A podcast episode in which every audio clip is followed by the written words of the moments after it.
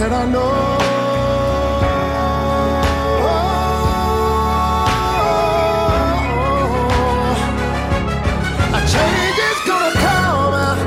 Japp, hej och välkomna efter ett jättelångt sommaruppehåll som vi har haft med Skokonomics. Och eh, ja, men det, var- vi sa ju aldrig riktigt när vi slutade och när vi skulle sätta igång igen. Utan, Nej. eh, det är många som har skrivit på Twitter, jag har slutat kolla mina meddelanden för att det är så många som eh, är liksom, eh, nytt avsnitt. Och sen så har de idéer på teman och de har liksom ämnen som eh, är intressanta. De har frågor om saker vi har sagt tidigare och ja, så är läget. Ja, jag, vet, jag känner väl lite också så här. Sista veckan i augusti är väl egentligen sommaruppehållets slut. Men det blev lite som det blev nu. Det kom annat emellan och Ja, sådär. men precis. Så Men för nu drar egen del igen. i alla fall kan jag ju säga att det är inte för att jag varit ledig så länge och legat och latat med. Det har bara varit mycket på jobbet kan man säga. Ja, men nu är vi back in business och nu kör vi våra varannan veckas eh, podderi på dra. Ja. Så- Men jag ska komma in på det sen också tänkte jag i Mm. slutet. Men eh, vi tänker att vi kör ett lite, alltså ja, ett normalt avsnitt nu helt enkelt. Men eh, s- kanske nästa gång eller kanske nästnästa eller så. Så vi, vi har ju liksom, mm, lite nya form, ett nytt format på gång kan man säga. Eller vi kommer gå synligt. vi ska utvecklas. Vi, ska sy- vi, ska, vi kommer vara i bild också, så man kommer kunna kolla på den här på YouTube. Ehm, är tanken. Ja, det är så modernt. Jättemodernt. Eh, vi kan göra små TikTok-videos. Ja, skulle, min, skulle min dotter bli imponerad? Ja men jättekul. Det, ärligt talat, vore det inte hu- hur kul som helst om du förklarar inflation på TikTok?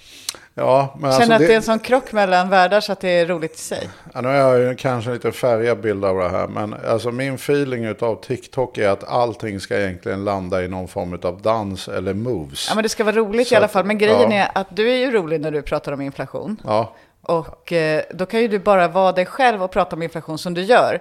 Fast det ska vara korta klipp, det är väl din nackdel här. ja. Du är bra på långa klipp. ja, det är du som sköter det kommunikativa, så att vi, vi men satsar på det. Att man ska komprimera, Ja. att du måste ju komprimera budskapet redan från start då. Mm. För att det ska gå att klippa ner, annars bara säga inflation och sen, det är inte bra. Med en sån här scratch i bakgrunden och sen hackande röst och så fram och tillbaka. Och Men det- ärligt talat, okej nu, det här sa jag ju på skoj, men nu känner jag att det är en bra idé. och jag bara blir lite orolig. Men okej, ja, Ja. ja. men det är bra. Nej men vi behöver inte ta tag i det nu Nej, i alla fall. tack.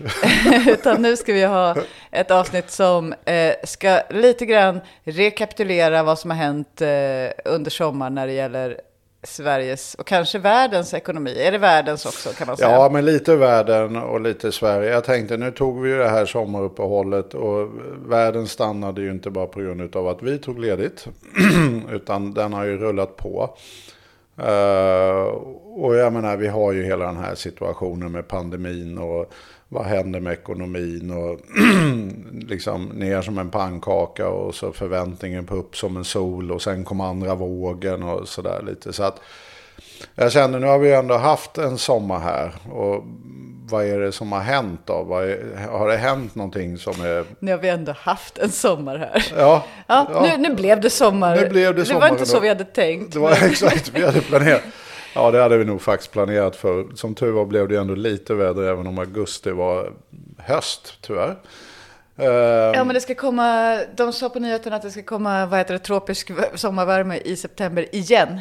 Så att, eh, Mm, ja, jag hoppas verkligen det. Jag varit, känner mig väldigt snuvad på augusti. Men, men ändå så har det faktiskt ändå hänt en del grejer som jag tycker är värt att ta upp. Eh, på liksom, förutom vädret. förutom vädret på ekonomiområdet och förutom pandemin. Därför, det får man ju säga, det är ju fortfarande liksom lite av en svajfest. Jag menar, nu, man begriper ju ingenting egentligen. Men jag menar, nu läste jag senast häromdagen att det har dykt upp tre nya varianter i Sydafrika igen. Utav den här deras sydafrikanska varianten. Och spekulationen är att vissa kanske inte vaccinet biter på. Så, så att vi, vi får ju vara ödmjuka och acceptera att naturen håller på och ändå har något slags huvudscenario.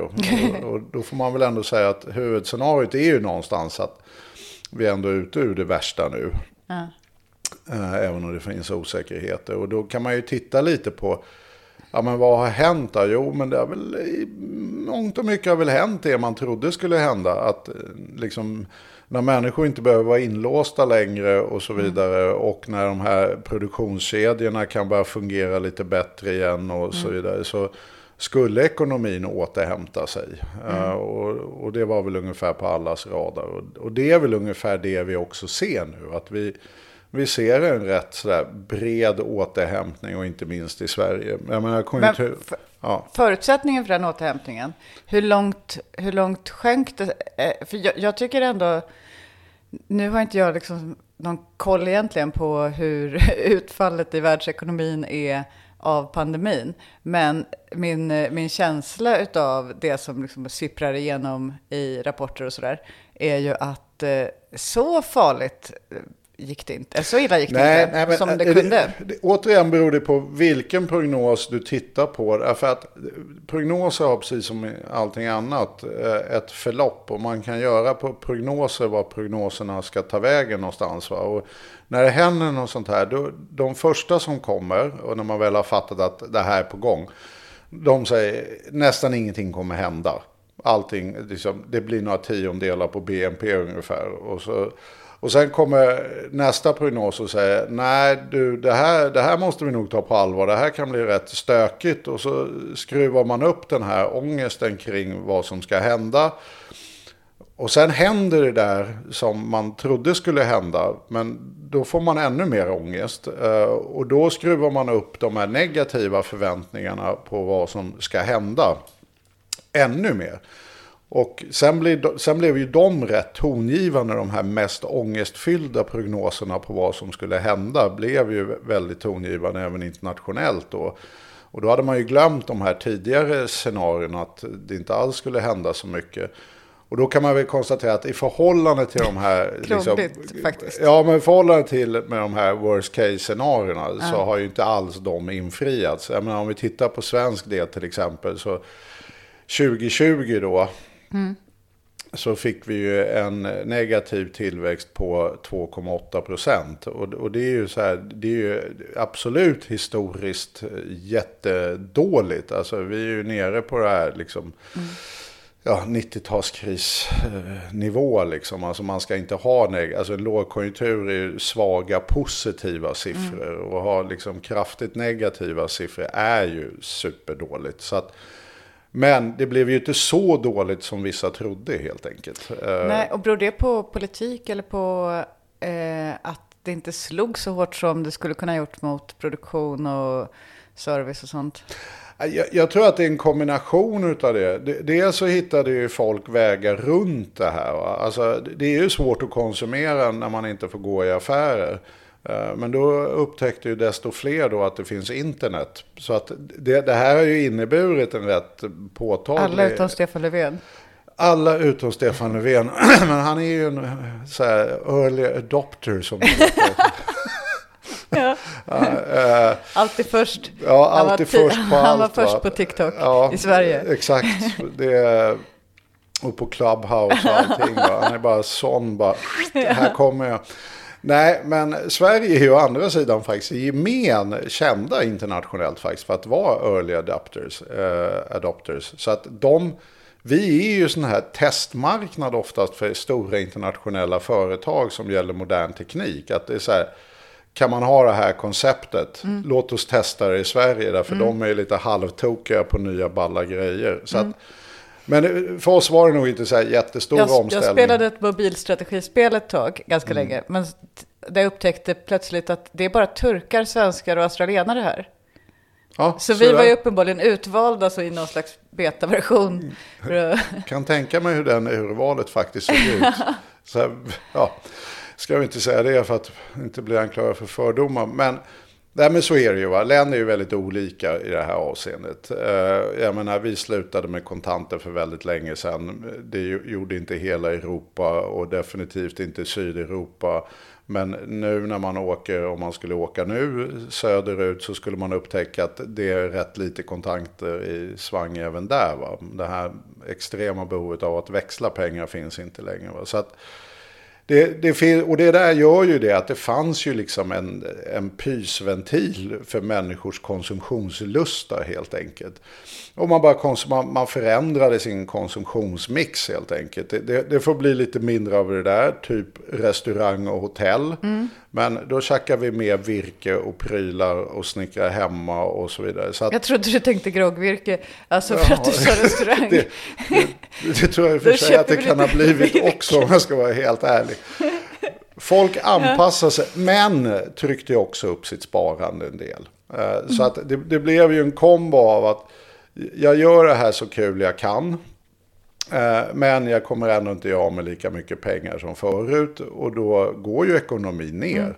Alltså hushållen eh, och investeringar är ju två jättestora delar i det här. Och när hushållen då inte kan konsumera på samma sätt längre, ja då faller ju efterfrågan. Och då blir företagen lite mer nervösa och då håller de tillbaka på investeringarna och lite förvirrade också ska man nog säga. Därför att vi har ju byggt upp en ekonomi som var extremt mycket präglad av den här just in time. Va? Att liksom, jag har inga lager och, så här, och då låter det så oh, wow vad modernt. Va? Men det är absolut inte någonting med saken att göra. Utan det är helt enkelt att lager är svindyrt, att Svindyrt. hålla. Så man vill inte hålla lager. Nej. Alltså, du kan ha en mycket större verksamhet med en mycket mindre kapitalinsats. Men och den blir därmed sårbar tjäna också. mer pengar. Det var det man upptäckte Mm. nu. Att den här grejen med att vi har sparat så sjukt mycket pengar på att vi aldrig har en enda pryl i lager. Den visar sig inte vara supersmart i det här läget. Därför plötsligt hade folk inga grejer. Och sen får vi en annan effekt som jag tänkte jag skulle komma in egentligen på senare. Men det är ju det att Ja men vad händer när folk blir nojiga över att de inte ska få tag på sina prylar? Då handlar det om de prylar de kommer över. hamstrar. Ja. Eh, Vi har den mycket berömda toalettincidenten eh, i Sverige under starten av pandemin. Där, Ja, men toalettpapper ja. japp, Alla eh, fick för sig att det skulle ta alla slut. fick för, och det verkligen fick för sig. trots att så här, industrin var så här. Av allt som kunde tänkas ta slut så var det... kommer pumpas ut i en regel. Nej, Ja, jag behöver pappersbruks toalettpapper. vd fick uttala sig och säga Ja. nej, vi har produktion. Vi har inga problem, dasspapper kommer finnas. Och Det var folk var så här, det där är bara en luring. Ja, men det, det räcker med att en börjar Ja. och då tror man att den har någon Intel. Ja, Eh, och så tar nästa och sen så ser, man hur, så ser någon hur det går. Här går tre pers med vagnarna fulla med toalettpapper. Ja. Ah, det måste betyda att de vet att det kommer ta slut. framför så, allt blir det ju en självuppfyllande profetia. Och så tar det slut. Därför du har ju sett de här tre som gick förbi med kundvagnen med toalettpapper. Och då, upptäck, då tänker du precis så här, wow, de vet något jag inte vet. Då springer ju du till toalettpapperhyllan och då upptäcker du att den är tom. Ja. Därför det var ett gäng som redan... så de hade rätt. Så de hade Det rätt. håller på att ta slut. Så nästa gång det kommer, då är det bara att Det är köpa så panik. mycket man kan. Exakt. Va? Så du springer in i nästa affär där ingen har upptäckt den här paniken än. Va? Nej. Och snor Så. varenda toalettrulle. och tänker det här Så kommer jag göra guldaffärer på svarta marknaden med. Ja, hoppas de har stora lägenheter Ja. så att inte det blir för fult hemma. Ja, men, eller vindarna. Det är Men- så här, ja. Eh, Apropå, eh, märkte du den konstiga äggbristen som var ett tag? Ja, den bommade jag nog Nej faktiskt. men alltså det var helt slut på ägg och det var stod ingenting om det i tidningarna. Jag tyckte det var konstigt. Det fanns inte ägg i det är någon lite affär. upprörande faktiskt. Nej men det hade med när fågelinfluensan att göra, eller hönsinfluensa, ja, det var någon sjukdom Jaha. som gick så äggen tog slut. Ja. Ja, nej, äggpaniken gick mig förbi. Men det här är ju det vi ser nu bland annat. Och det gör ju systemet ännu mer sårbart än om alla bara eh, keep their cool. Utan att nu försöker typ den här komponentbristen som finns nu inom industrin. Va? Att det är såklart ingen går förbi en hylla med komponenter och som är industriledare och inte snor hela hyllan. Liksom. Därför att jag behöver ju bygga lastbilar eller vad jag nu håller på med i ett halvår till. Va? Och nu vill jag ha det. Så att det har hänt mycket med de här liksom, vad som är, värdeförädlingskedjorna som det heter då på finspråk. Det vill säga att en, en Volvo består av tusen komponenter och Volvo tillverkar inte de här komponenterna själv utan köper dem av andra som i sin typ köper så här, typ jag ska köpa instrumentbrädan från VDO mm. liksom ja men de köper ju alla sina komponenter och så, så man har brutit sönder liksom alla kedjor vilket gör dem extremt störningskänsliga det räcker med att en längst ut i periferin som ska leverera ett kugghjul till den här instrumentbrädan inte får ihop det där. Mm. Därför ingen kommer till jobbet längre. Ja, så bara... Och i andra änden kan man plötsligt inte bygga lastbilar. Mm. Det där upptäckte vi, det där var kanske inte jättebra. Och det, det har vi även upptäckt inom, eh, jag menar, mediciner och vacciner. Mm. Och, alltså, vi har upptäckt... Ja, men service på maskiner, det, det är fler saker som har varit svåra att få ordning på. Det har man, tycker jag man har märkt ute, alltså typ systemkollapser i olika system av olika slag. Eh, som har varit till exempel att eh, ja, men det kan vara tun- alltså typ kollektivtrafiksystem eller det kan vara liksom beställningssystem mm. på McDonalds eller vad som helst. Liksom. Att eh, ja, systemen är som är, är sårbarare och då är det inte säkert... Det är, när det finns sårbarheter så är det fler som eh, som liksom dukar under på något vis under, under sådana här tider? Ja, men lite så tror jag. En, en stor lärdom av det här är att liksom, buffertar, oavsett om det är ekonomi och hushållet eller i lager eller med vacciner. Eller, eller lite extra personal ifall Eller alla... i offentlig sektor och så här de fyller en funktion. Det är en försäkring att kunna hantera förändringar mm. som inträffar. Och man ska ju se det som en försäkringskostnad. Mm. Och det där har ju vi tappat väldigt mycket de senaste 30 åren. Med liksom hej och hå, marknad, nyliberalism, alla kapar kostnaderna, alla blir så här anorektiska organisationer, inga lager. Mm. Så att det, det där, det var väl en lärdom. Men samtidigt får man ju ändå konstatera att givet då att vi definitivt inte hade ett optimalt system vare sig när det gäller offentlig sektor eller privat sektor för att hantera en sån här stor störning. Att vi hade lurat oss lite själva att världen är alltid trygg. Eh, så gick, blev det ändå inte de här worst case scenarierna. Utan eh, folk hankade sig fram, anpassade sig, började spara mer. Företagen drog ner lite på sina investeringar och så vidare. Och det där slår ju på ekonomin. Och i Sverige var det som sagt var nästan 3% i minus. Och det var väl ungefär mellanscenario skulle jag säga någonstans. När, man hade bara halvpanik. Mm. Sen när väl det började slå till. Va? Och vi är ju sådana. Jag var alltid fascinerad över det här före andra vågen. Då hade jag ju ändå lärt mig vad de här epidemiologerna sa. Och de sa ju så här, nej men det kommer nog gå ner till sommaren. Och sen kommer en andra våg efter sommaren. Och det här reagerar på kyla och värme och vårt beteende i relation till kyla och värme. Och så. Sen var jag otroligt fascinerad över att absolut ingenting sakligt hade förändrats. Men när pandemin försvann över sommaren så skrek alla faran över. Mm. Och sen mycket riktigt så kom den andra vågen. Så att vi, vi är väldigt fångade i nuet helt enkelt. Vi, vi färgas mycket av nuet om vad vi tror om framtiden. Mm. Uh, och nu känner vi att det är lugnt igen med pandemin. Nu vaccinerar vi oss alla och så blir det ordning och reda på det här och faran är över. Ja, kanske. Kanske. Kanske eller kanske inte. Men vi jobbar med det scenariot. Nu har vi i alla fall vant oss lite. Vi har lite vant oss och sådär. Va? Så att, men då är det ju så att nu, nu får man ju alltid en rekyl. Va? Det är ju det som händer. Jag menar, de facto så slutade vi ju, det är det som negativ tillväxt betyder, vi slutade ju att producera en del grejer som förut innan pandemin gick att sälja under normala tillstånd. När, när då det kommer upp igen, då får man ju en rekyl av tillväxten. Så att du får ju väldigt höga tillväxttal av att göra absolut ingenting. Men vänta, säga... hur är det en rekyl? Alltså, alltså en rekyl slutar... är ju om man skjuter och sen så studsar skottet Nej, det är det inte. Det är det man får på axeln när man ja, håller i geväret. Ja, det. alltså det är, det, det är smällen där. Va? Alltså någonting går ut där och då kommer det tillbaka i Just andra det. Mm, änden. Mm, det är precis. rekylen. Jag va? tänkte fel. Ja. Rikoschett tänkte jag. Det gjorde du. Ja. Det här är inte en rikoschett. Nej, det är en rekyl. Ändå kul idé om man skulle skruva in begreppet rikoschett i ekonomi. Men ja, ändå, det måste vi komma på. det måste vi komma på. Vi tar rikoschettekonomin en annan dag. Jättebra. Men det här är Nästa snarare, avsnitt. det, det vi diskuterar nu är snarare rekylekonomin. Ja.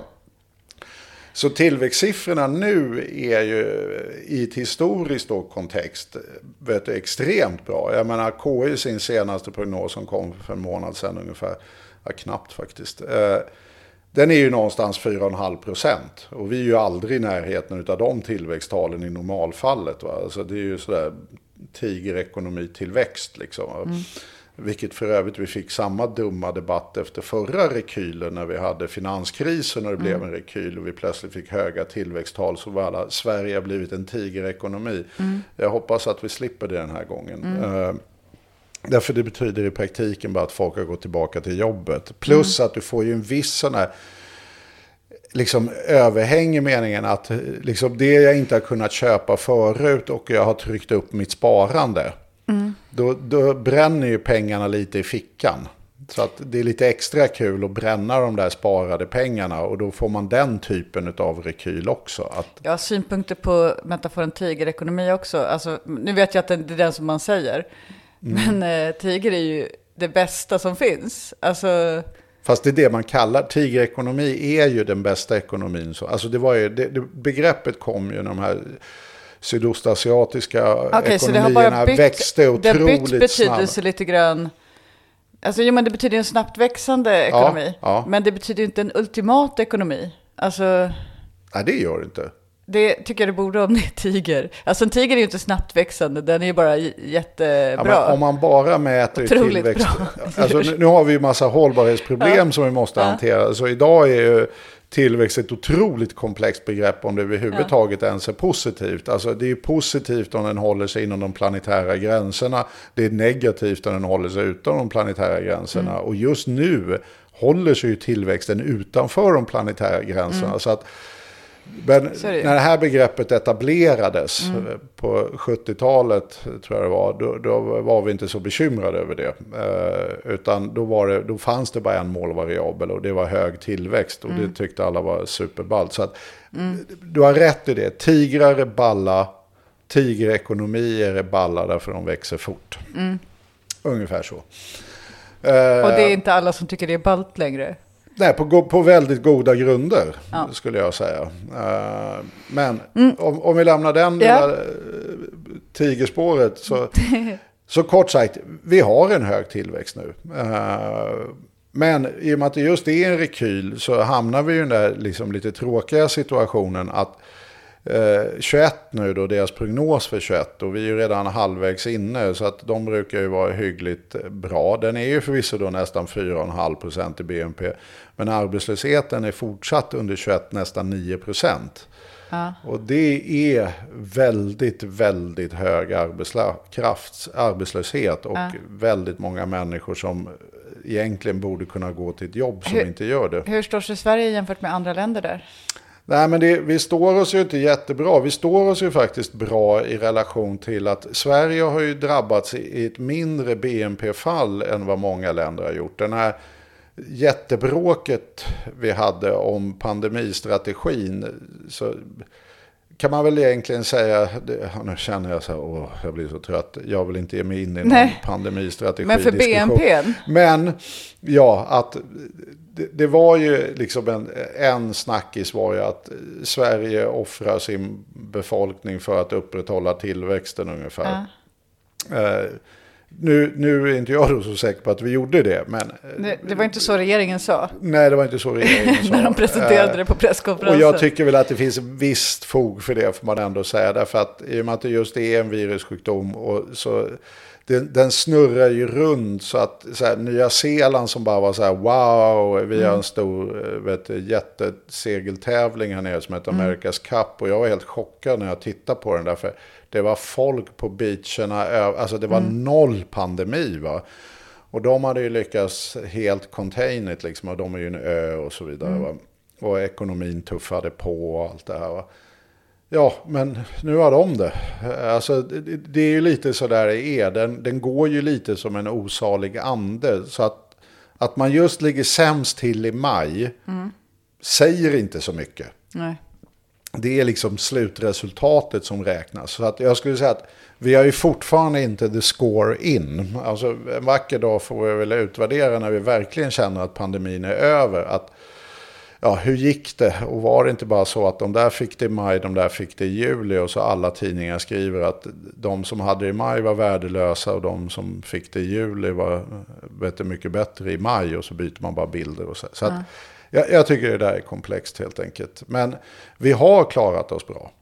Uh, vi, det har tagit en mindre effekt på oss än det har gjort på många andra ekonomier. Ja. Uh, och, och det är naturligtvis delvis kopplat till att vi har haft den här lite mer aparta, öppna stilen än Ja. vad till exempel Italien eller andra länder som har kört Ja, med vi har på ju den inte här. haft något utgångsförbud och lockdowns på det viset. Nej, vi har inte det va. Eh, och om, om det var bra eller dåligt i slutändan rent liksom, eh, ja, hälsomässigt, det tycker jag det får vi ta en annan dag. Men den effekten Det vet kanske vi. inte är vi som ska utvärdera det heller. Vi kanske inte ens ska Vi utvärdera låter det. några andra ha en podd om Ja, exakt. Va? Eh, och när paniken har lagt sig. det. Ja. Eh, och folk är lite mer lugna och tittar mer på siffrorna. Men, men kort sagt, vi har klarat oss rätt bra genom det här. Uh, och, och naturligtvis så har ju de insatser man har gjort från regeringens sida också spelat roll. Om man har pumpat ut pengar. Sen kan man ha synpunkter på exakt hur man gjorde det. Men det spelar alltid roll att regeringen, om de stöttar ekonomin eller inte. Uh, och då är det ju så att ja, nu står vi här med en väldigt hög arbetslöshet. Vi har den här höga tillväxten. Det gör ju nu till exempel om man tittar på budgeten att du, det finns ju ett utrymme. Konjunkturinstitutet då i sin senaste prognos, de säger ju 40 miljarder. De skruvar upp det på 10 miljarder bara på en månad. Först sa de 30 och sen så visslar de upp det där till 40. Vilket visar hur korvigt det är med sådana här prognoser. Man ska ta dem lite med en nypa salt liksom.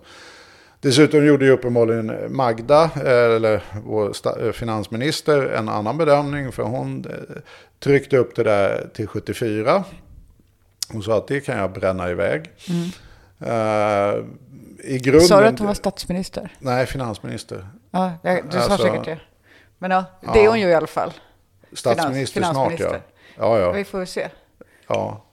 Eh, Verkligen, vi- det kommer... Ja, statsminister kan... Men att hon blir partiordförande för Ja, S. Det kommer hon ju bli. Det skulle jag säga en sure bet. Men jag har inte tittat på vad bettingsajterna har på det. Men man kan inte få mycket pengar Nej, du, tillbaka på den bettat, grejen. det skulle man bettat på för länge sedan. Tänk om man hade bettat på... Ah, ja, Ja. strunt samma. Ja, Släpp det. det är lite som att vara sur över att man inte köpte Netflix för fem år sedan. Men ändå.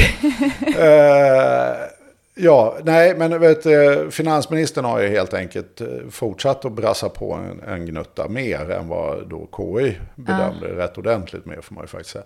Men samtidigt är det ju så här, jag menar, vi, vi har ju dels en stor sjukvårdsskuld nu. Jag menar, när alla ska hålla på med de här liksom, karantänerna och allt det där, så är det lite knepigt att upprätthålla den re reguljära verksamheten av operationer. Vi, vi mår ju dåligt på så många sätt. Mm. Vi har liksom människor. en kö, en liten kö, alltså folk som har avstått vård helt enkelt, som inte är akut. Ja, och För som att vi, eh, vi den nu får vi ta senare. hantera. Och sen har vi också liksom ett, eh, ett, ett personalunderskott sedan tidigare. Så att, Och en rätt sliten skulle jag säga personal inom både vård, omsorg och faktiskt nog också bitvis skola där det har varit rätt bitvis jobbigt med pandemin och sådär. Så att vi har väldigt stora behov och till och med KI som oftast brukar vara lite så här försiktiga med sånt här. Men de menar ju att vi behöver ju vet du, 30 miljarder för att upprätthålla personaltätheten och kvaliteten inom offentlig sektor. Så att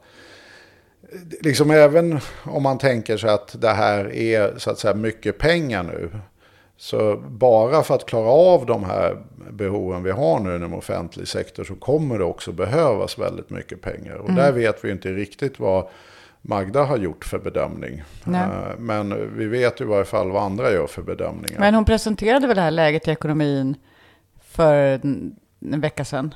Ja, ja, men det gjorde det. Men där har ju hon liksom... Det måste ju ha resonerat om det. Jag, tittade inte på det den här gången. Nej, det, det, det, det gjorde hon inte. Nej, vad okej. jag, alltså, det tror jag hon eh, vet, eh, väntar med till hon presenterar sina budgetidéer. Det kan, det kan säkert komma vilken dag som helst. Att Mm. det, det här satsar vi på offentlig sektor. Men det är mer en sån, det är inte en makrosiffra. Nej. Det är inte så här, det här tror jag om tillväxten, det här tror jag om arbetslösheten. Nej. Utan det här är ju en budgetsiffra. Liksom. Eh, Eh, så den eh, kommer de säkert upp med så småningom.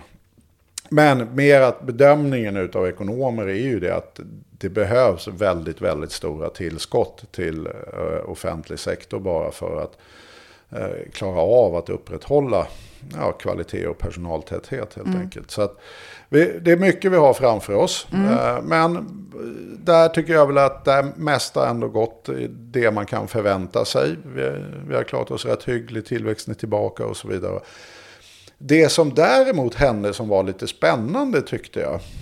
eh, Det var faktiskt inflationsspökets återkomst på den stora internationella scenen. Det var länge sedan. Ja, det, det, var, det var riktigt länge sedan. Det är några som har ropat varg, alltså så här, hedgefondchefer i USA och sånt där som har spekulerat i att det ska ta fart och sen gör den aldrig Nej. det. Och, men det, det har liksom aldrig funnits egentligen någon substans i några underliggande siffror. Eh, Det har ju alltid varit en, eh, en liksom ett spöke som har hängt över all, också, inte bara vad ska man säga, analys av ekonomin och så, utan också över politiken. Därför att den är, att man, att det då, eh, för att undvika inflation, som ju då är väldigt farligt i så fall, så måste man liksom, så måste man anpassa den ekonomiska politiken, till exempel, eh, ja, men, full sysselsättningsmålet är det klassiska liksom, exemplet på att man inte kan ha eh, man kan inte ha full sysselsättning som mål för inflationsmålet i EUs regler till exempel. Mm. Ja, så. Ehm, så att, eh, så att det har ju varit, det har ju varit, det har ju varit liksom en verkan, att det finns ett, en hotbild som är inflationen och sen har den varit helt borta eh, väldigt länge och då, då tänkte man ju liksom att ja men nu kanske vi inte någon är rädd för inflation längre. Ja, dessutom är det ju tvärtom. Alltså de senaste nästan, eh, ja, eller definitivt de senaste tio åren har ju präglats av att eh, vi satte det här ankaret för hela ekonomin. All ekonomisk politik går i praktiken, även om det inte gör det i ord, på att hålla en låg och stabil inflation, typ i alla länder. Så att man har ju någon slags så här, det här är det absolut viktigaste i hela ekonomin. Och då är det ju också så att det är inte så där jätteointressant, inte minst för hushållen. Jag menar om den här nu liksom faktiskt rätt kraftigt förhöjda eh, inflationen som kom nu för sommaren här och på sommaren. Och som då många spekulerade i, här kommer den typ. Eh, att om den verkligen skulle vara en förändring, att den verkligen kom nu. Det skulle ju till exempel innebära sannolikt för hushållen en ordentlig sättning på bostadsmarknaden. Så att då skulle ju plötsligt de här priserna vara på till exempel Stockholms bostadsmarknad, de skulle bli historia extremt fort. Va? Därför det är inte bara det att den bostadsräntan du betalar är beroende av inflationen.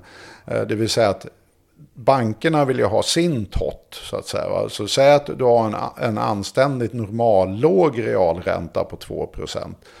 Så då skulle ju liksom, och räntan är alltså minusinflation, så all inflation läggs på den där. Och trodde folk plötsligt att inflationen skulle bli 3%, ja men då är ju plötsligt bostadsräntorna uppe i 5%. Och dessutom så brukar med inflationsoro och stigande inflation så ökar också historiskt sett realräntan. Och skulle vi plötsligt få 6-7% i nominella bostadsräntor ifrån våra typ 1,3 det tror jag skulle hända. Nu ser du jättebekymrad ut för 1,3. Är du toklurad av din bank eller? Eh, ja, men det vet jag ju att jag är. Ja, Jag okej. kan det, det, är där, det är där du borde ligga. Lurad och lurad. Jag kan inte byta bank för jag har betalningsanmärkning. Jaha, okej. den- Jag är glad att jag har en du, bank. Du är öppenhjärtig hör jag. Ja. Jag får nya varje år. Alltså, det, det, var tredje år får jag en ny tydligen också. Så precis Okej. när de ska gå ut så. Ja, du är väldigt öppenhjärtig. Men Mm. okej, men, men typ Andra, många andra har kanske runt 1,3. Och, Ja. och, liksom, och då plötsligt få 6-7 kommer nog väcka en, en och annan ur den här dvalan av att fastighetspriser fördubblas var tionde år. Det är ingen naturlag. Va? Så att det var, någonting, det var någonting väldigt, väldigt stort vi diskuterade, eller jag diskuterade inte så mycket, jag var på semester, men som många internationella och stora ekonomer diskuterade. Liksom, Vad har hänt här? Ehm, och det var verkligen en påtaglig eh, nivåhöjning. Och, det har vi ju även sett i Sverige. Och då är det ju alltid de här, inte minst högern. Och det är det, det som är så kruxigt med ekonomisk politik. Att vet, eh, det blir alltid väldigt snabbt politik utav en sån här siffra som ja, inflation till exempel. Att i USA när man då går igång på den här debatten, då beror ju det på att högern vill inte ha Bidens jättepaket utav stimulanser. Eh, eller jätte och jätte, men stora paket utav stimulanser. Och då säger de att det där är ju vansinne, pumpar upp det när vi har redan alldeles för hög inflation. Ja, då kommer ju det där bara elda på inflationen ännu mer och trycka upp räntor och vanligt folk råkar illa ut och så vidare. Får bostadskrascher och så. Så ge fan i och gör någonting. Och det är egentligen det som har varit motorn i den politiska, ekonomisk-politiska debatten. Inflationshökarna säger alltid, de som alltid är oroliga för inflationsspöket och så vidare. De säger alltid så här, staten ska inte göra någonting. Lägg inte ut några pengar. Försök inte bekämpa Nej. arbetslösheten. Gör- Därför det blir det bara till inflation med massa dåliga saker. Jag tänker liksom, svårt att se framför mig det i en debatt idag när, när liksom inflationen är så, inte alls top of mind. Nej, men jag tror å andra sidan, hade, hade, hade det här fortsatt nu, därför det, skrönan här från min sida slutar ju med att det här är ju i huvudsak massa tillfälliga effekter. Alltså att det har hänt massa olika saker. Eh, och, och det har lett till att vi har fått den här liksom engångshöjningen utav inflationen. Men jag är helt övertygad om och det ser vi ju dessutom redan i Sverige att den här sommarpiken är nog historia eh, och att vi tvärtom återgår till vår gamla vanliga världsbild att vi klarar inte av att nå upp till inflationen. Och det är ju en stor delförklaring till den här enprocentiga bolåneräntan är ju det att alla centralbanker... procent. Ja, ja men 1,3 då. Jag avrundade faktiskt rätt korrekt. Ja, nej, jag ska Du, du bara att det det. svider och svider och svider bara mer bara lägre och och mer. lägre. Nästa gång kommer jag säga nästan noll. Bara för att riktigt slå in spiken. Nej, nu är jag taskig. Förlåt. Jag måste skaffa en målvakt som... Ja. men, eh, nej, men om man tittar på och då måste man ju förstå vad, är, vad kommer inflation egentligen ifrån? Eh, och då är ju den, den stora, stora grejen är ju helt enkelt löner. Alltså, så att ska man göra det här caset att it's back. Då, då måste man säga att det har hänt någonting på arbetsmarknaden. Något skifte har hänt på arbetsmarknaden som gör att folk får ut mycket, mycket mer i löner. Och via löneinflationen pumpas det här upp. Och, och Men hur mycket alla- krävs det för det då? För att, jag menar, det var ju bra. Man vill ju ha högre löner Mm. och man vill att fler ska ha höga löner. Alltså färre ska ha låglönejobb och fler Mm. ska ha höglönejobb. Man vill ju verkligen ha upp det här. Eh, Ja, fast det är två olika grejer. Ja, okej. Eh, Det, det, det ena är liksom, inflationen styrs rätt mycket av det allmänna, så att säga, det totala sett löneläget. Ja. Så att, och då tänker man ofta så här bara att du kan ha den löneökningen som ett, inflationsmålet sätter som ram Mm. för inflationen. Och vi ska ha en inflation, och det är Mm. just vi ska ha, det är därför vi inte har några räntor, eh, på 2 procent. Och när vi inte når det, då sänker vi räntan, eller om vi inte kan sänka räntan och mer, då måste politiken brassa på med mer pengar. Därför det är så man får upp inflationen. Och då tänker man, okej, så du ska ha en bottenplatta på 2% i lönepåslag varenda år, typ. Och då, nu struntar vi i strukturella förändringar, att vissa jobb försvinner och vissa kommer. Utan det, det är, så i ekonomin ska bottenplattan alltid vara 2%. Då har man 0% i produktivitetsutveckling. Och eh, vi producerar ju fler grejer. Men får jag fråga, alltså varf, varför ska man strunta i struktur? Jag menar, skulle inte, är inte påverkan lika stor ifall, säg att eh, alla som kör såna här Fodora istället börjar jobba eh, på någon typ industri? Det är det vi vill va? Fast du frikopplar nu eh, inflationen ifrån produktiviteten. Det var det jag på väg till va? Alltså om du har 2% som alla ska ha. Och sen ska vi ju få så mycket bli, bli bättre på att producera grejer. Så att låt oss göra ett väldigt enkelt exempel. Att vi har nej, en igen. fabrik som gör 10 bilar. Och säljer de där 10 bilarna för exakt samma pris. Ja men då är ju allting sådär konstant. Det är samma pris. De får samma lön och så vidare. Va? Men nu ska vi ha löneökningar. Då får faktiskt den där bilen öka med 2% i, i, liksom, i pris. Och den kan kosta typ då 102 kronor istället för 100 kronor som den gjorde. Trots att det är exakt samma bil. Men grejen är den att vi kanske, vi kanske blir så smarta så att vi pumpar ut en bil till Ja, med samma på... gäng. Det är det som är produktivitet. Och då har det ju mycket större inkomst för bolaget. Så även om de säljer den där extra bilen de nu fick bygga därför de var så smarta på den här fabriken. Då ökar ju totalt sett inkomsten utan att priset ökar för företaget. Och det ska ju då enligt modellen naturligtvis arbetarna som jobbar där få del utav. Och då får man sin del av den där extra bilen. Och varför är det så viktigt i modeller? Därför det här är faktiskt alla NEK-modeller bygger på detta. Jo, därför att om du gör det andra antagandet. Så att du ska få din inflation så att du får 2%. Men det där smarta vi har hittat på där inne som leder till att det blir en bil extra. Den tillfäller kapitalägaren. Därför pengar som går in i ett bolag kan bara gå två håll. Det kan gå till de som jobbar, det vill säga lönerna. Eller kan det gå till de som äger maskinerna, det vill säga kapitalet. Och så säger vi att nej men extra bilen får alltid kapitalet. Vad som händer då är ju det att på lång sikt så går ju lönernas andel utav, vin, eller, alltså utav hela förädlingsvärdet som det då heter, de går ju mot noll. Därför det kommer ju bli en ny bil säger vi varje år. Och har det gått 100 år då kommer ju liksom löneandelen vara 1%. Och då kommer vi ha extremt fattiga människor. De där människorna som jobbar där, de, de kommer ju ha sökt annat, andra jobb. De kommer ha sökt andra jobb där de får del. Därför är- det är ju så det funkar. Alltså det är ju en konkurrens på arbetsmarknaden. Så att skulle det där hända i ett bolag till exempel, att man försökte det där tricket. Då skulle ju alla lämna det där bolaget och gå någon annanstans. Eh, Förutsatt att de kan. Ja, förutsatt att de får och kan. Och Att inte alla bolag gör exakt likadant. Ja. Ja, exakt. Men då, det skulle faktiskt hit them back. Va? Ja. Därför att det är nämligen, det var ju det, vet, det, var ju det Ford upptäckte. När han höjde, liksom, Ford är verkligen inte en mysig kille om ni läser på om Ford Motor History. Så var det ingen skön kille. Han var ju bland annat nasse. Eh, ja, oskön kille. Eh, men han höjde plötsligt lönerna till viss irritation för andra arbetsgivare för sina anställda. Det var just det, mina anställda måste kunna köpa en T-Ford.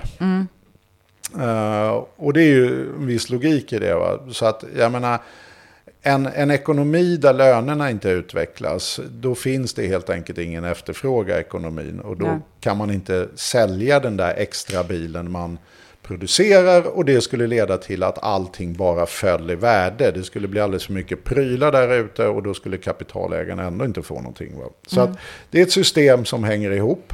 Eh, Man ska vara smart, bygga fler bilar, man måste också se till att folk kan köpa bilarna. Det vill säga utbud och efterfrågan måste hänga ihop lite.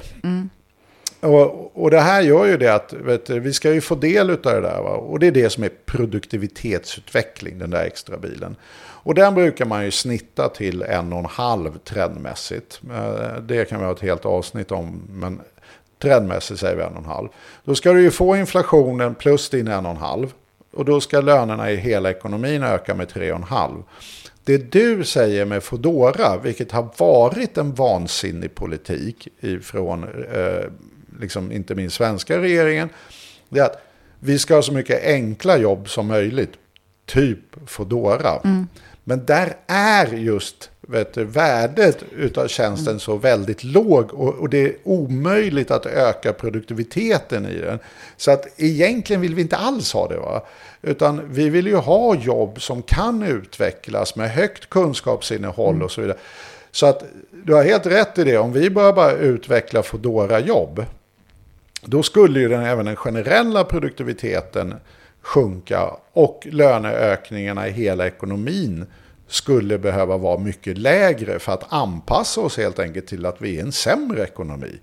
Alltså det är verkligen att backa in i framtiden. Va? Att liksom, nej men nu ska vi ha massa jobb som inte kan utvecklas, som inte har högt kunskapsinnehåll och inte jobba med kapital eller utvecklas överhuvudtaget. Va?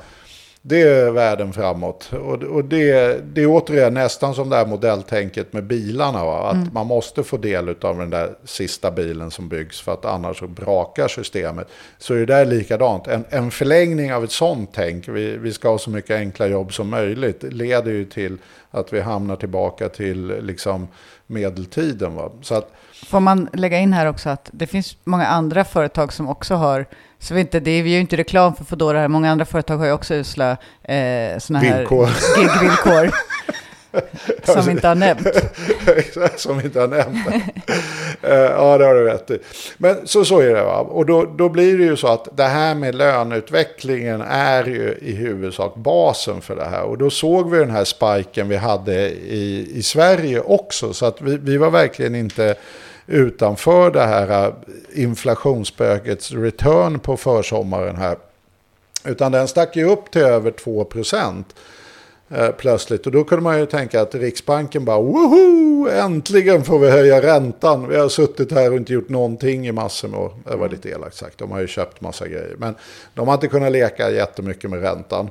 Och typ lovat att den ska dessutom ligga still i tre år till. Så det är så här, det är en lång semester. Eh, men, men nu hände ju någonting där. Tänker man wow, nu kommer det hända grejer. Men vi ser ju direkt att, inte minst i Sverige, men även i liksom alla andra länder, så har den ju redan fallit tillbaka. Och då tittar man ju, till jag tittade ju då på vad, vad har hänt med lönerna. Och då ser man ju faktiskt i Sverige att vi faktiskt har en uppbyggnad. Så hade man varit lite snabb där, då hade man kunnat varit så här, ja men titta nu har ju faktiskt löneökningstakten i Sverige, om man tittar till exempel på Medlingsinstitutets data, faktiskt ökat lite. Vi kanske har någon, vi kanske kan koka soppa på det här, det här händer det grejer. Men grejen är att det är en väldigt i hög utsträckning bara en, liksom en utläggning av de centrala avtalen. Att när man frös dem så sjönk lönerna. Så att det är en rekyl. Alltså, igen. återigen rekylen. Va? Så att vi, vi sjönk ner kraftigt i löneökningstakt på grund av massa avtalshassel. Och så har vi haft en viss rekyl nu. Eh, och sen dessutom så kommer nu centrala avtalen att falla tillbaka igen. Så att jag, jag tror Riksbanken är väldigt medvetna om att det här betydde inte att de blev uppbjudna till dans igen. Och, Ja, det, okej. tror jag är, och det är för övrigt även då Federal Reserves, alltså USAs centralbanks uppfattning och så vidare. Så att inflationsspöket stormade in på scenen, gjorde storslagens liksom, debut och sen dog i första akten redan. Men håller eh, andra ekonomer med dig om det här då? Ja, det skulle jag säga. Det är liksom den allmänna det var bilden. mer svajigt för någon månad sedan. Ja. Då, då var debatten lite high rolling. Det är fortfarande framförallt i USA som de mesta av debatten styrs. Så är det väl lite liksom, ja, det kan hända någonting, vi är inte riktigt hundra och sådär va. Men jag skulle säga att de, det, det ser väldigt mycket ut som att även där att det kommer helt enkelt falla tillbaka nu till mer normala inflationsnivåer. Det vill säga inflationsnivåer som ligger under det vi vill ha. Och då betyder det för alla våra kära lyssnare som är bostadsrättsägare och villaägare eller vad de nu är. Att de kan somna om förmodligen ett Räntorna par år ligger till. kvar. Ja, det är ungefär På- det. På typ ingenting. Eh, Alltså boräntorna är ju på För någonting, men jag ja. menar hela, Ja. Nej, hela men- ränteläget. Så att jag, jag, jag ty- men det var ändå en, liksom, folk piggade på sig lite. Det hände lite grejer, alla somnade Men jag om. undrar eftersom jag tycker att det, det är väl tydligt att nationalekonomi påverkas i viss mån alltså vilken tes man driver och vilken sorts ekonom man är att påverkas en viss, viss, i viss mån av ideologi och målsättningar och vems liksom, intressen man värderar och så. Och eh, då, alltså att det, det helt enkelt är lätt att eh, man eh, kanske till exempel börjar prata om hotbilder som kan uppstå utifrån att man vill uppnå ehm, ja, då tänker jag inte att det är ett politiskt bias nödvändigtvis, utan att det är att man tänker att ekonomin funkar så. Men hur som helst, eh, om det nu finns en chans för de som gärna pratar upp inflationen som hot, att få fart på det.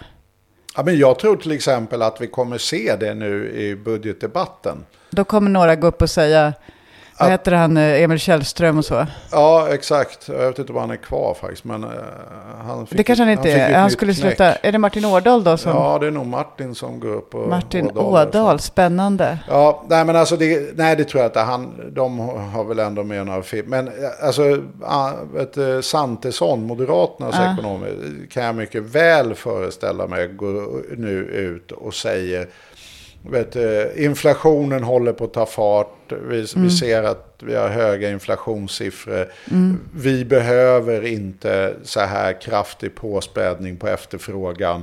Det är inte det som är problemet. Vi har strukturella problem. Vi måste gynna kapitalägarna mer. Det är det som löser världens bekymmer. Och och att hon, Magda då fläskar ut eh, för mycket pengar med den bakgrunden. Och det, det, och det är ju liksom lite det där eh, som även man gjorde i höger angående Biden. Att gör inte det här. Va? Men samtidigt så är det väldigt tydligt i USA att man fortfarande har väldigt stor reservarmé av arbetslösa. Mm.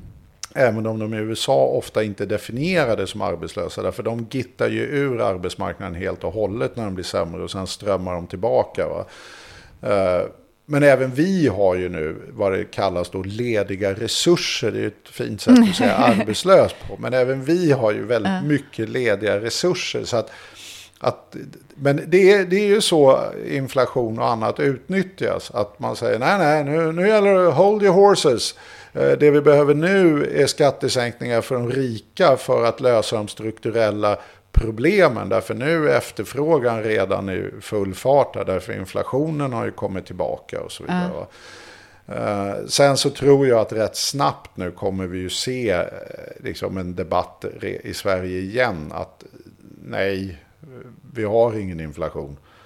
Vi, vi, får ta och räkna, i, om det, eller se om det dyker upp i budgetdebatten, för den är ju om ja, några veckor, ett par veckor, tre, tre veckor kanske. Ja, för senaste AKU var inte, alltså då får de ta en liten rövare va. De hade haft det roligare om det ja, var men Svantesson i, i alla fall, så, som april, du sa. maj och så här. Men däremot så tror jag säkert att det kommer komma en sån diskussion. Vi behöver inte spä på efterfrågan Nej. mer. Uh, utan vi har hög tillväxt. Mm. Det är återigen en sån där luring. Va? Mm. Att tillväxt i sig betyder inte att ekonomin är i jämvikt. Va? Alltså, att, Nej, just det. alltså om, om du startar ett utgångsläge med 25 procent i arbetslöshet. Mm. Då ska du ha jättehög tillväxt jättelänge mm. för mm. att tugga i dig alla de arbetslösa så att mm. de kommer i sysselsättning. Och i ett sånt läge att år ett säga, titta vi har 5% i tillväxt, Men nu det går det jättebra vi... för ekonomin, nu kan vi inte stimulera längre, är ett väldigt, väldigt konstigt Vi har ju varit nere i ett hål liksom, så det är inte så konstigt att, eh, då, då är det ju rimligt att man har hög tillväxt bara för att komma upp ur det. Det är den berömda rekylen va, och ja. dessutom så behöver vi ju ha vet, så hög tillväxt så länge att vi får ner liksom, arbetslösheten till full sysselsättning. Ja. Det är ju det som är tricket. Inte att nu är tillväxten hög. Utan sen är det där med full sysselsättning. Vi kan ju kalla det för jämviktsarbetslöshet. Även om man nu ska strunta rätt mycket i de tekniska modeller som liksom används för det. Va? Men säg att det är där när ekonomin liksom harvar runt på ett bra sätt. Va? Ja, men då är det ju väldigt många som menar att den är skyhög idag. Uh -huh. uh, att den ligger kanske närmare 7 procent. Och då kommer vi ju komma. Men vadå, du sa att arbetslösheten var 9 procent, men att jämviktsarbetslösheten skulle vara 7 procent? Det, det är väldigt olika. Alltså, nu, vi kanske får ta något program om eh, jämviktsarbetslösheten. Men det, det är ju det som kom egentligen från Milton Friedman och Nairo och naturlig arbetslöshet och så vidare. Ja, men alltså precis, för att ekonomin ska funka bra. Men vad är de här 2 procenten för några då? Ja, men idag så skulle man ju säga att vi har eh, överarbetslöshet. Det, det, det tror jag ingen säger idag att... Det, alltså vad, vad, vad det egentligen betyder, det är så här. Hur låg kan arbetslösheten bli utan att vi får accelererande inflation? Att vi får den här svansbeteendet. Precis, om man har mycket stor arbetskraftsbrist, då, kan, då, är det plötsligt, eh, då är det plötsligt löntagarnas marknad, man kan Ja, få upp lönerna ordentligt. Och, och då får man upp den här inflationen. Och det är det jag menar. Ett, vi ser ingenting av det i lönestatistiken. Två, löneökningarna är idag för låga för att uppnå inflationsmålet. Det är ju det som är grundproblemet för Riksbanken. Att löneökningarna är idag för låga för detta. Va? Och de kommer aldrig lösa det problemet utan att löneökningstakten blir större. Va? Så att ett, där har vi ett problem hur vi har riggat hela ekonomin. Att arbetsmarknaden pumpar ut för lite löneökningstakt. Va? Och det gör den ju närmast globalt. Va? Eh, och det andra är ju helt enkelt att om man ska göra det troligt att vi kommer få den här brasan, ja men då måste det ju vara väldigt ont om arbetskraft, det vill säga ledig arbetskraft, det vill säga att alla arbetsgivarna ska springa och köpa varandra som redan har jobb. Va? Och med 9% arbetslöshet eller 7% arbetslöshet eh, så händer inte det och det vet vi. Vi hade ju inte det innan pandemin när arbetslösheten var lägre. Och det är det här jag tycker att regeringar och centralbanker har varit kriminellt närmast eh, försiktiga. Att man aldrig... Kriminellt försiktiga, det är kul. Ja, men faktiskt. Därför det, prislappen för att vara försiktig är så fantastiskt hög. Om du har en föreställningsvärld att inflationen tar världens rulle vid 7% Så du blir livrädd så fort arbetslösheten närmar sig 7 Du gör- Då börjar du höja räntor och försöker kyla av ekonomin för att hålla den runt 7 va? Och det är ju bara en idé. Prislappen för det är kanske flera hundratusen extra människor som är arbetslösa. Så prislappen är monumental. Så att jag kan ju tycka att ett mer rimligt förhållningssätt är att låt oss testa lite. Alltså fine, vi ska ha låg och stabil inflation. Men hittills har ju inte vi varit i närheten av att komma till den här liksom hemska världen de föreställer sig. Men jag undrar om, om det här kommer ändra sig därför att jag menar, både du och jag är födda liksom lite närmare andra världskriget än nutiden. Det där lät ju otroligt uppiggande. Så är det. Eh, Okej. Ganska mycket närmare. Ja, faktiskt. Ganska mycket närmare. Lite obehagligt perspektiv ändå. Ja, Ja. det är sant. Otroligt mycket närmare när jag tänker efter. Ja, Ja. Vi är liksom typ andra världskrig, vi är nu. Vi behöver efterkrigsfolk inte då. slå in den där spiken Nej, hårdare. okej? nej, nej, okej. Men Ja. jag menar bara att när vi eh, gick i skola, eh, när, vi liksom, typ, när vi lärde oss hur världen fungerar, då var, då var det här med hyperinflationen en jättegrej. Ja, Eh, precis som kärnvapenhotet var ett jätte det var saker, som liksom, saker man var rädd för. Det var kärnvapen och att vi skulle gå omkring i skotts, pengar i skottkärror för att det var så hög inflation att vi inte... Man bara tog ut alla pengar och sprang och köpte läsk direkt. För en hel skottkärra pengar fick man bara en burk läsk för. Den stämningen. Eh, alltså att det finns en... nu låter det lite som du ledde på 20-talet i hyperinflationen i Tyskland. Men Ja, men, okej, jag, men jag en menade, bild jag menade ändå. hyperinflationen i Tyskland som... Jaha, du alltså, menar det? Jag fick- trodde du menade vår uppväxt. Och kände, Nej, nej, det där det, var det, lite nej, inte. Nej, utan det här var fort, jag menar bara att det här var fortfarande väldigt levande historia när vi växte Ja. upp. Den var liksom inte bara så här typ du som, som har pluggat till ekonom, utan det här var typ lågstadiekunskap. Mm. Ja, ja. Ehm, att eh, så här typ, vi, vi, vad ska vi, vi ska kunna alfabetet, räkna, Mm, mycket om Jesu liv och så det här med hyperinflationen. Så var ju undervisningen. Jo, men det fick vi nog alla lära oss. Så att eh, jag tänker att det har gjort att, vi, att det är lätt för oss att, att jag tänker för de politiker som är, har den här extrema försiktigheten. Det, f- det finns ett liksom levande hot någonstans. Jag tänker att de som är yngre, de kommer ju inte kunna relatera till den här skräcken. Ja, fast jag, jag, jag håller med dig. Oftast finns det ju, precis som vi har det här närmast patologiska intresset för statsfinanser i Sverige. Ja. Det, det, det är ju en mycket specifik händelse som handlar om 90-talskrisen. som numera är 30 år bort. Eh, och då får man tänka 30, 45, då hamnar du på 75. Så, det, så långt bort är det. Va? Eh, och vi är ändå helt dominerade av denna upplevelse. Och så var det ju en lång stund under efterkrigstiden. Men då hade man å andra sidan inga problem med inflationen. Utan men jag tror mycket av den här jättestark. ångesten som du beskriver med makthavare under ja, de senaste 30 åren. Jag tror de talar om deras hyperinflation från 20-talet. Deras upplevelse är 70-talets kaos med inflationen och lönebildningen. Det, där har de sin moraliska kompass så att säga. va? Att det finns ingenting värre än oreda i lönebildning och inflation. Va? Och däremot så tror jag du har helt rätt i det också. Att den generationen dör ju ut nu helt och hållet. Alltså det är ingen som kommer ihåg hur avtalen var skrivna Nej. på 70 80-talet. Tänk om jag skulle och- berätta för Folke, jag kan berätta det mesta som jag gör på jobbet för folk och han förstår, för att han är, liksom, han är 13 snart, men han kan, det är min son, men han kan liksom förstå komplicerade politiska resonemang. Men om jag skulle, så att, så att han är liksom insatt i det jag försöker säga, men om jag skulle säga inflation så skulle han inte ha någon om, alltså han skulle inte ha någon politisk relation till det, att det finns, Nej men det tror jag, jag bara, bara ta, du nämnde Emil Källström, Centerpartiets eh, han är inte rädd för inflation. Nej, men jag tror inte han, han har ju inte den. Många som jag har jobbat med och träffat både i Riksbanken och liksom regeringskansliet och så vidare. De var ju nästan alltid äldre än mig. Eh, så att de hade ju en personlig upplevelse utav allt det här stöket. Men du vet, ska man ha en personlig upplevelse till och med i någon yrkesroll och eh, hängt med på 70-talet, va? Du vet, det är 50 år sedan. Eh, så att du vet, de här, det här gänget som har en personlig upplevelse utav det här. och Som är verkligen liksom, de gör vad som helst för att undvika.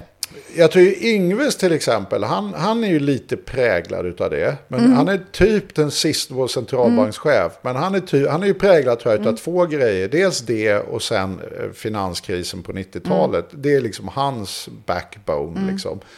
Och, men den generationen är ju, han är ju också nästan pensionsfärdig. Mm. Eh, Så att, nej det tror jag är rätt i. Att det, det kommer hända någonting när alla försvinner som faktiskt har någon som helst praktisk eh, effekt eller relation till.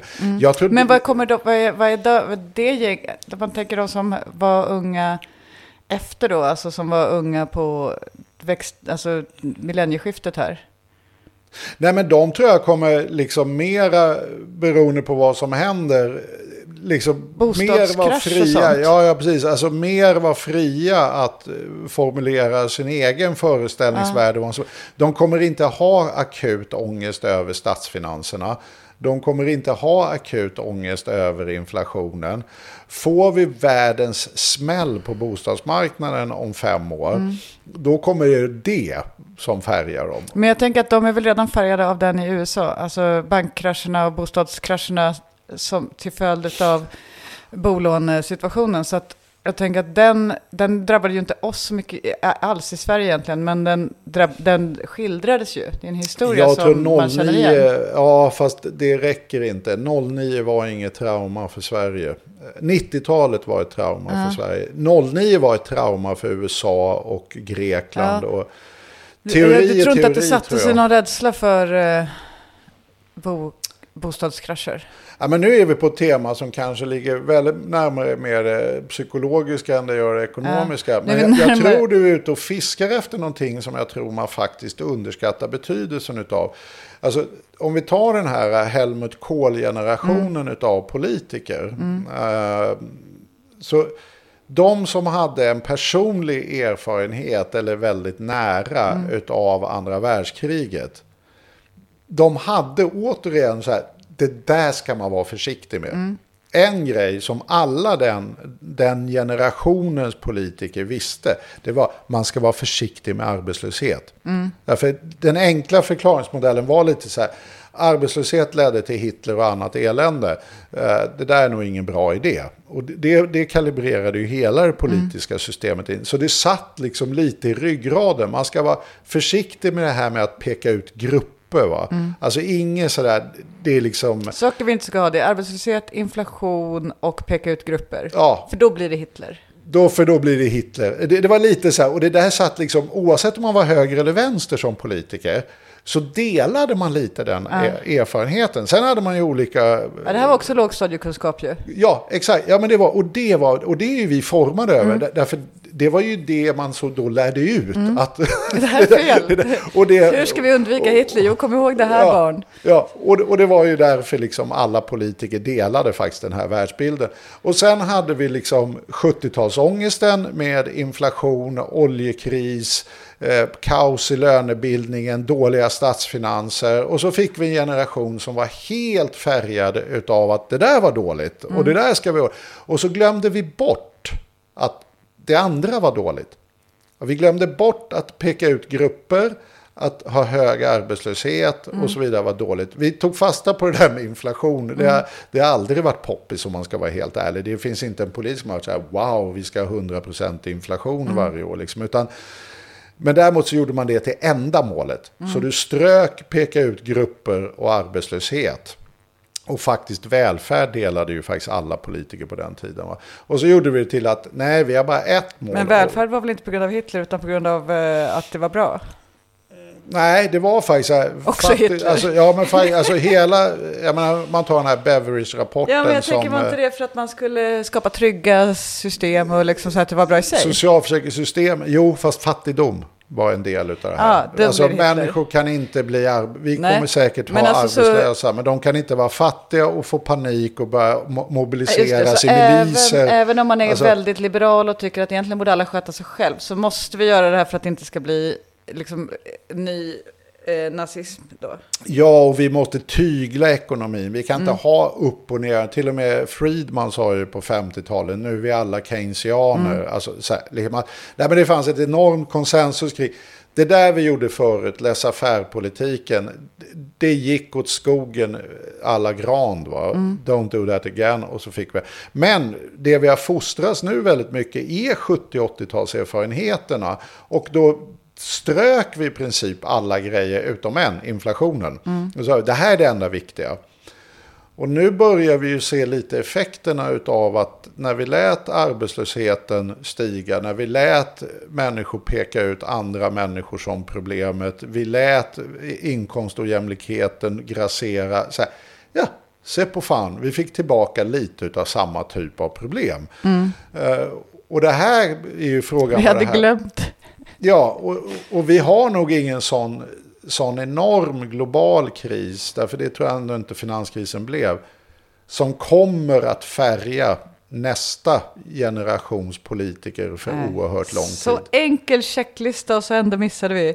Jag Typiskt. Vet. Det var ju vet. bara tre grejer. Men när du säger det där med att peka ut folk så slår det mig ju att jag tror att den nya generationen, där är det ju väldigt noga med att peka ut grupper. Alltså fast på ett positivt sätt då. Um, den är väldigt inriktad, inte så mycket på ekonomisk politik, utan på värdegrundsarbete. Liksom, arbete. uh, om man tittar på hur, vad de lär sig i skolan. Ja, nej, men det, det, håller jag med om. Och det där kan man ju tycka vad man vill om. Men det, det, var ju inte liksom... Den gamla modellen handlade ju väldigt mycket mer om liksom egentligen materiella ting. Mm. Alltså förstå världen mm. utifrån ett materialistiskt perspektiv. Och det tycker jag vi lärde oss i skolan också på sätt och vis. Ja, eh, vi gjorde det. Och... Värdegrundsarbetet, det, var, det handlade mycket om fattigdom till exempel. Ja, och det handlade väldigt lite om moral. Va? Mm. Jag menar, typ om vi tar nu vet du, jämställdhetsdebatten, mm. då hade det ju varit väldigt mycket fokus på, vilket det definitivt även kunde vara då. Mm. Va? Jag mm. menar, liksom, kvinnor får inte möjlighet, ja, men då måste vi göra åtgärd 1, 2, 3 och, och, väldigt mycket mindre på värderingsfrågorna mm. i den meningen. Att mm. liksom, Ja, men nu ska vi ha det. Jag menar, kvotering på den tiden hade ju varit så här. Ja, men nu ska vi ha varannan damernas. Det, det var liksom ett naturligt sätt. Eller vi ska... Mm, nu är jag rädd för vad du skulle jämföra med att det är idag som. Nej, jag tänker inte säga Bra. någonting om idag. Utan jag säger bara... Jag tänkte att du skulle hitta Den- på den- den- grupper som det då vore citationstecken tokigt att kvotera. Och sen Nej, bara, nej, det här kommer gå åt alls, nej, skogen. nej, inte alls. Utan jag, jag förhåller mig till den historiska realiteten. Idag så skulle Ja, men det var ja, men det var ju liksom i hela utbildningsreformen, eh, slutet på 60, handlar ju om att ja, men vi måste också öka tillträde till högre utbildning och inte minst kvinnor. Att Mm. de ska få hög utbildning och då kan de konkurrera. Alltså det, det var ett väldigt materialistiskt perspektiv på tillvaron helt enkelt som man eh, tog med Mm. Ja, men det ska sig. bli spännande att se när de, som, när de blir politiker, de som har en annan ingång i politiskt tänkande. För att de, det är också ett politiskt tänkande, men det är så mycket Ja. mer värderingsbaserat på det. Ja, nej, men det är ju det. Och, och det är lite oklart. Jag, jag tror att det, det kanske är det att vi saknar en politikergeneration idag. Med en gemensam erfarenhet som faktiskt kanske är en del av problemet. Att liksom, man har inte 90-talskrisen som kan vara liksom eh, den... Så Men här, de måste ha ju andra erfarenheter. Jo, men också att den är internationellt allomslutande. Liksom att, att det här är en värderingsbas. Det Coronapandemin kan ju vara en Ja, sån. men, Vad vi lärde oss av den till exempel. Det får aldrig mer bli så att vi inte har beredskapslager. Ja, Det får aldrig mer bli så att vi inte har... Nej, jag vet inte Det får aldrig är mer det. bli så, okej, vad, lärde- vad var det, då kanske de här tre checklistegrejerna blir att man ska inte ha så här just in time-princip på industri och liksom, eh, handel. Man ska ha beredskapslager och man ska ha lite extra personal i all välfärd. Det vore väl bra? Ja, det, det är i och för sig trevligt. Men jag, jag tror det är lite tunt som en sån här värderingsbas för liksom höger till vänster att dela syn kring. Alltså vi, vi kanske lider lite Men det av kanske samma också- problem som vi faktiskt gör kulturellt. Att förut så var det så här, alla tittade på Aktuellt och Rapport. Eh, Alla tittade på samma barnprogram. Det gick bara en deckare. Vad ska vi prata om i fikarummet? Det här. Liksom, idag är ju kanalerna en miljard. Och det gör ju det att det skapar liksom referenspunkter som är mycket mer komplicerade att hålla ihop. Och det gör ju också då att, att säga att det här är dåligt som typ så här, hög arbetslöshet är döläskigt. Det är det vi måste foka på. Det blir mycket mer komplext därför att Absolut. den där delar inte alla helt enkelt. även, om, även om det är väldigt diversifierat medialt, så att säga, man Mm. kollar på olika kanaler, så är det också så att det som är en riktigt stor story, det når ju ut i alla, fast kanske lite olika versioner. Men jag menar, det är fortfarande någonting som alla omfattas av. Som till exempel nu, pandemin. Det är ju liksom inte så att eh, en del inte märkte det. Bara för att de Nej, på... jag, jag vet inte om det kommer att bli någon gemensam erfarenhetsbas Ja, men det för finns, den ju, det finns ju ett framtida gäng ändå som tycker att den kanske inte finns, utan kanske hittades på av Kina eller, och, eller USA och, och, eller mikrochips och så vidare. Det finns, Ja, jo, jo, nej, det, det finns ju liksom ja, någon som... ja, men nog ja. om det. Men vilket fall som helst så är det här utgångspunkterna för det ekonomisk-politiska Mm. tänkandet formas ju i otroligt hög utsträckning utav vilka erfarenheter de, som är dominerande. Nu känner jag för att mäta. Jag känner för att göra en stor opinionsundersökning som eh, liksom verkligen går in på de generationerna som är liksom yngre. Mm. Och tar reda på vad som är deras ekonomiska tänkande. Var inte det intressant? Ja, Eh, alltså hur de resonerar kring vad som är risker i ekonomin och vad som, är, vad som inte är det och vad, vad som är nödvändigt och inte och så. och vad är ekonomi och vad är politik? Ja, det där är ju precis. min hur- gamla käpphäst. Att liksom, det, det stora tricket vi har gjort sedan 80-talet och nyliberalismen tog över, det är ju att säga att det inte är politik. Alltså, och, och, och lura människor att det inte heller är det, därför det faktiskt är politik rent sakligt. Alltså typ just bostadsmarknaden. här, jag har ingen bostad, det borde du ha fixat. Ska jag börja med att kolla om Och det sen- finns en sån mätning? Ja. Ja, och sen vet du, istället för att som man blev då eh, på 60-talet förbannad på staten om det var bostadsbrist och man inte kunde få någon bostad. Så blir man förbannad på sig själv eller förbannad på banken eller förbannad över att man är född med fel föräldrar. Alltså staten har liksom... Idag blir man bara förbannad på staten på coronarestriktioner alternativt brist på coronarestriktioner. Ja, men lite. Alltså det, är det är några grejer som man kan fortfarande bli förbannad på staten för. Men vi, vi har krympt utrymmet på frågor vi blir förbannade på staten och, det, och, och ibland nu är det vi så- nere på direkta ingrepp i vår rörelsefrihet. Ja, där blir vi förbannade. Då, där går Ja, nu är vi ju inte ens förbannade över hur mycket övervakning. Det kunde vi bli lite förbannade. Vi vill inte ha en kamera i sovrummet som det hette på Nej, 70-talet. visst. Och det, vi var ju släppt. he- det var ett tag hela piratrörelsen och liksom att det fanns en sån där integritetsrörelse. Mm. Nej, men jag tror att det är en av de viktigaste. Alltså, vi, vi tog inte bara bort några pinnar Nej. på den här listan. Not to do-list. Försvann några pinnar och kvar blev bara inflationen. Mm. Eh, men vi gjorde också så att vi krympte hela egentligen det ekonomisk-politiska områdets scope så att säga. Mm. Va? Vad, vad är det de egentligen ska hålla på med?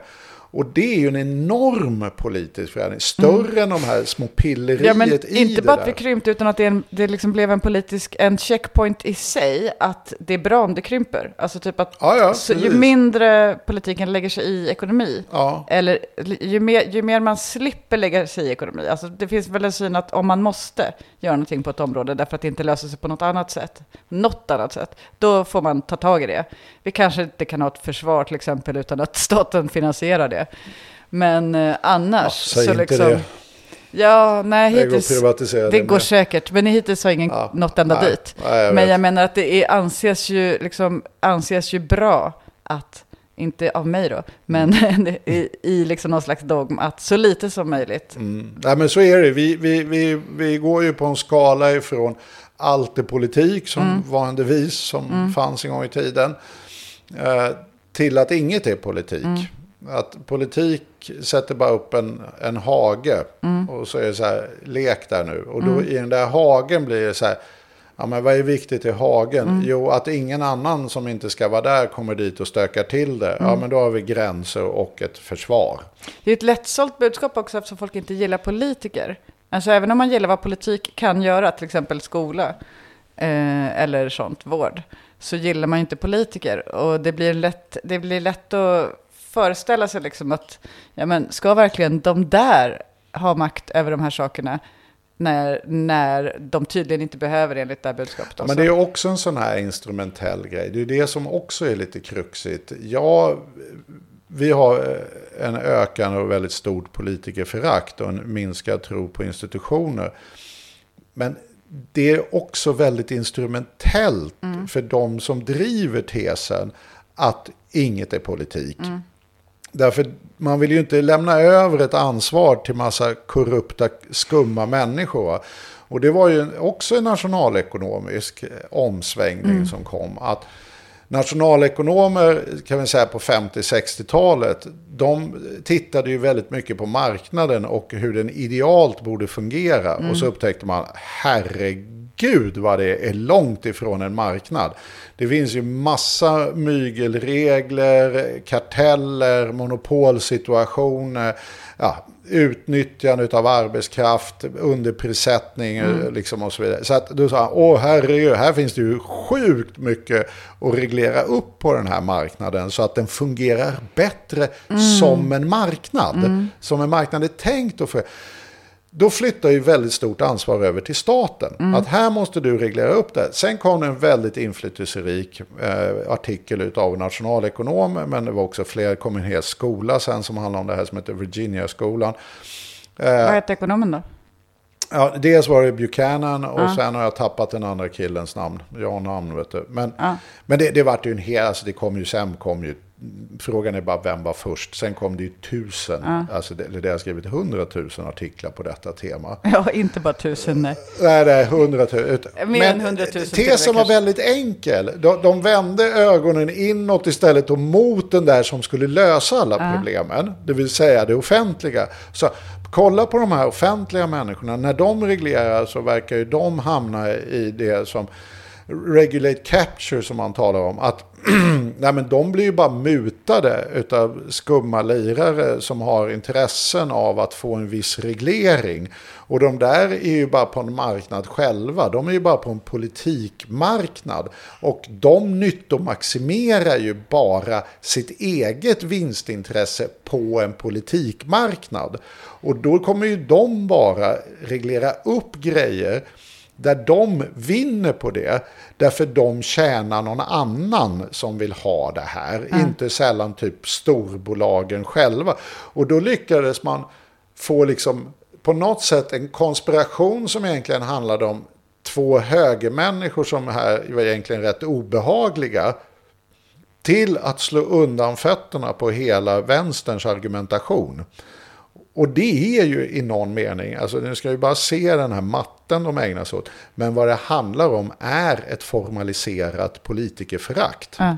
Och då lyckades man liksom sänka hela den där lösningen som ska göra det. Och då blev ju sägningen, jo, jo, men den där marknaden kanske inte funkar perfekt. Men du vet, släpper vi in de här korrupta, maktgalna människorna som bara tjänar konstiga intressen så kommer det bara bli värre. Mm. Och plötsligt fick det bäst att inte göra någonting. Mm. Och det är liksom, så att det, det finns ju en väldigt det finns oftast i sådana här saker väldigt helt uppenbara. Bäst att inte göra någonting om det inte finns risk för inflation. Om det inte finns risk för, för inflation. För då måste man då, göra någonting. Då man göra Bara då. Men jättestark idé. Ja. Ja, men nu har vi spårat såklart till våran, eh, de här gubbarna i Mupparna som sitter och pratar Ja, men lite grann. Men det var ändå... typ, vi hamnar, man hamnar ju lätt på, och, och då fanns det på en kanal. Mm.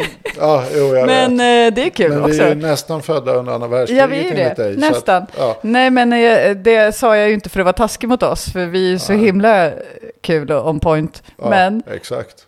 Eh, utan för att eh, jag inte riktigt vet vart vi är längre.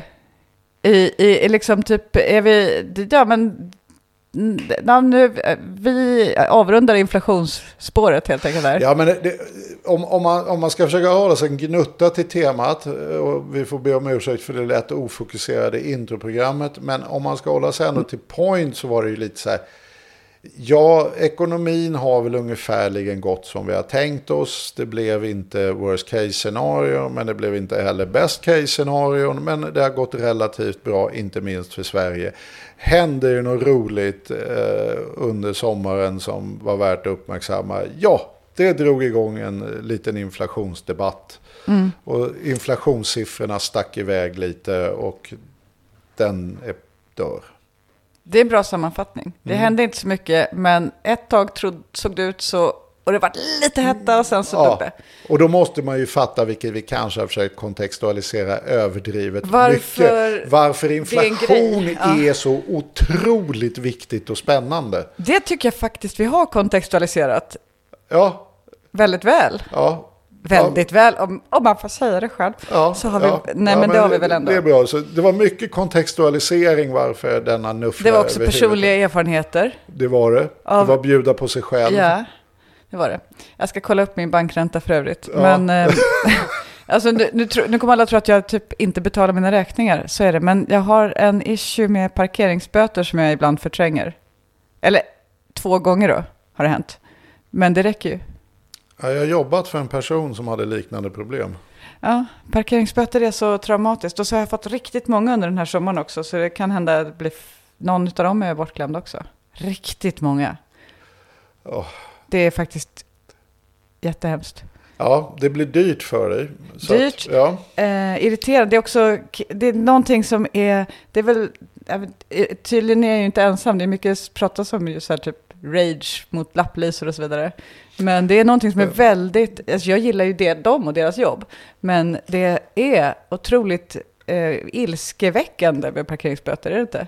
Det, det jag känner är bara att nästa gång det är väldigt många som känner att jag, jag vill inte få känslan av att bara hänga på sådana forum och det är någon sådär upprop på Facebook på gång och du frontar nej, nej. det. Och... Nej, jag tycker att vi ska ha parkeringsregler ja, och jag tycker tack. att man ska bötfälla de som parkerar fel.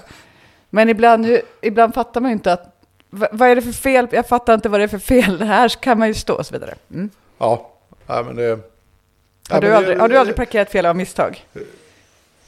Jag har både parkerat fel av misstag och, Och med flit. eh, Och med flit. För det- jag tycker när man- när man gör det med flit. blandad framgång. Ja, men ibland erkänna. gör man det med flit för att man måste, för att man har superbråttom. Ja, Eh, och så, så ställer man sig någonstans som verkar vettigt, men som man vet att man kommer få en bot, och då tar man den smällen. Mm. ja. Men när man har hållit på, varit jättenoga, kört runt halva Kungsholmen, i, i, liksom typ kommer för sent till mötet bara för att hitta en parkeringsplats man tror man har en. Man har betalat för den och sen kommer man tillbaka och det en parkeringsbot där. Det ja, men där är jag nog faktiskt ödmjuk. Alltså, jag, jag fattar inte hälften av parkeringsreglerna och vet skyltarna. det. Så att jag är lite så här, Vi kommer ut som så otroligt gamla, eh, så att vi inte förstår parkeringsreglerna.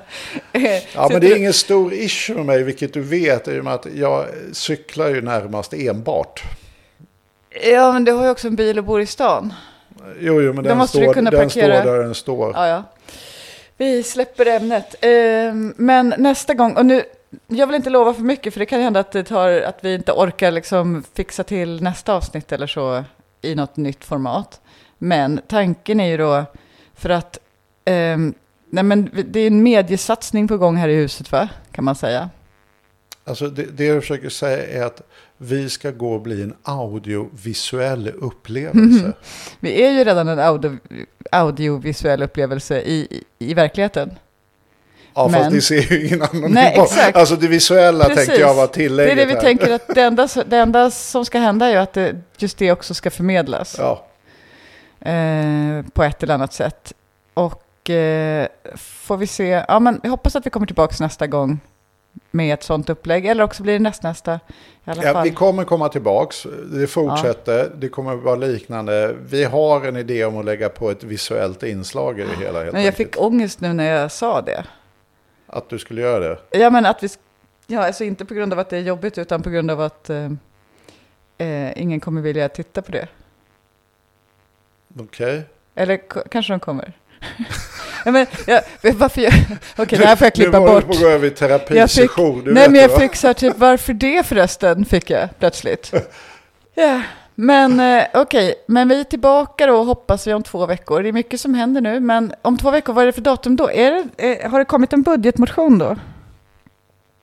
Nej, det kan inte ha gjort. Det är 14 dagar. Ja, Jo, visst. Det är, det, det är typ på budget. Nej, det är... Det, 20, en nej, det är 16 september. Den kommer veckan efter. Ja, veckan Du kommer efter. ihåg första, eh, första avsnittet som vi poddade ihop när vi var på arena? Mm. Då hade det precis varit budgetdebatt.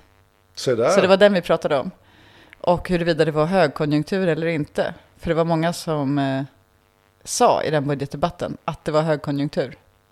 Ja, precis. Vi hade förmodligen, nu minns inte Mitt i det brinnande högkonjunktur sa alla. Ja, och då hade vi förmodligen en hög tillväxttakt och Ja. men en väldigt stor ledig resurs. Så sa du, det är inte högkonjunktur. Nej, det, det är riktigt. Så var det.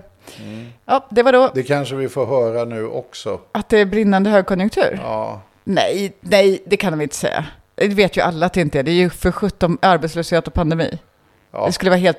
Ja, om de säger det så... off. Det är för off. Ja, det är för Det off. går inte att använda. Inflation kanske. Att det kan Ja, men bli... jag, jag- alltså jag är rätt övertygad om att den här tillväxtsiffran på 4,5 procent kommer dyka upp Den kan man se som ett sätt. varningstecken för någonting som gör att man måste, Ja, nu måste gör, vi dra ner struktur. någonstans. Ja, Vi måste, nu måste vi se mer till utbudet. Och Mm. när, när högern säger vi måste se mer till utbudet, då betyder det skattesänkningar för de rika. Ah, bra att veta. Mm, det är sånt där Kodspråk. kodspråk. va? Det, det är det som är, the key is to know them.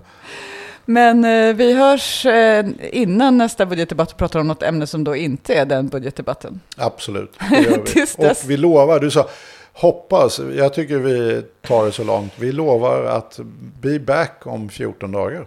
Ja, ehm, okej, då får vi hålla det också. Ja, det är såklart vi gör det. Ses då. Ses Hej då. Hej då.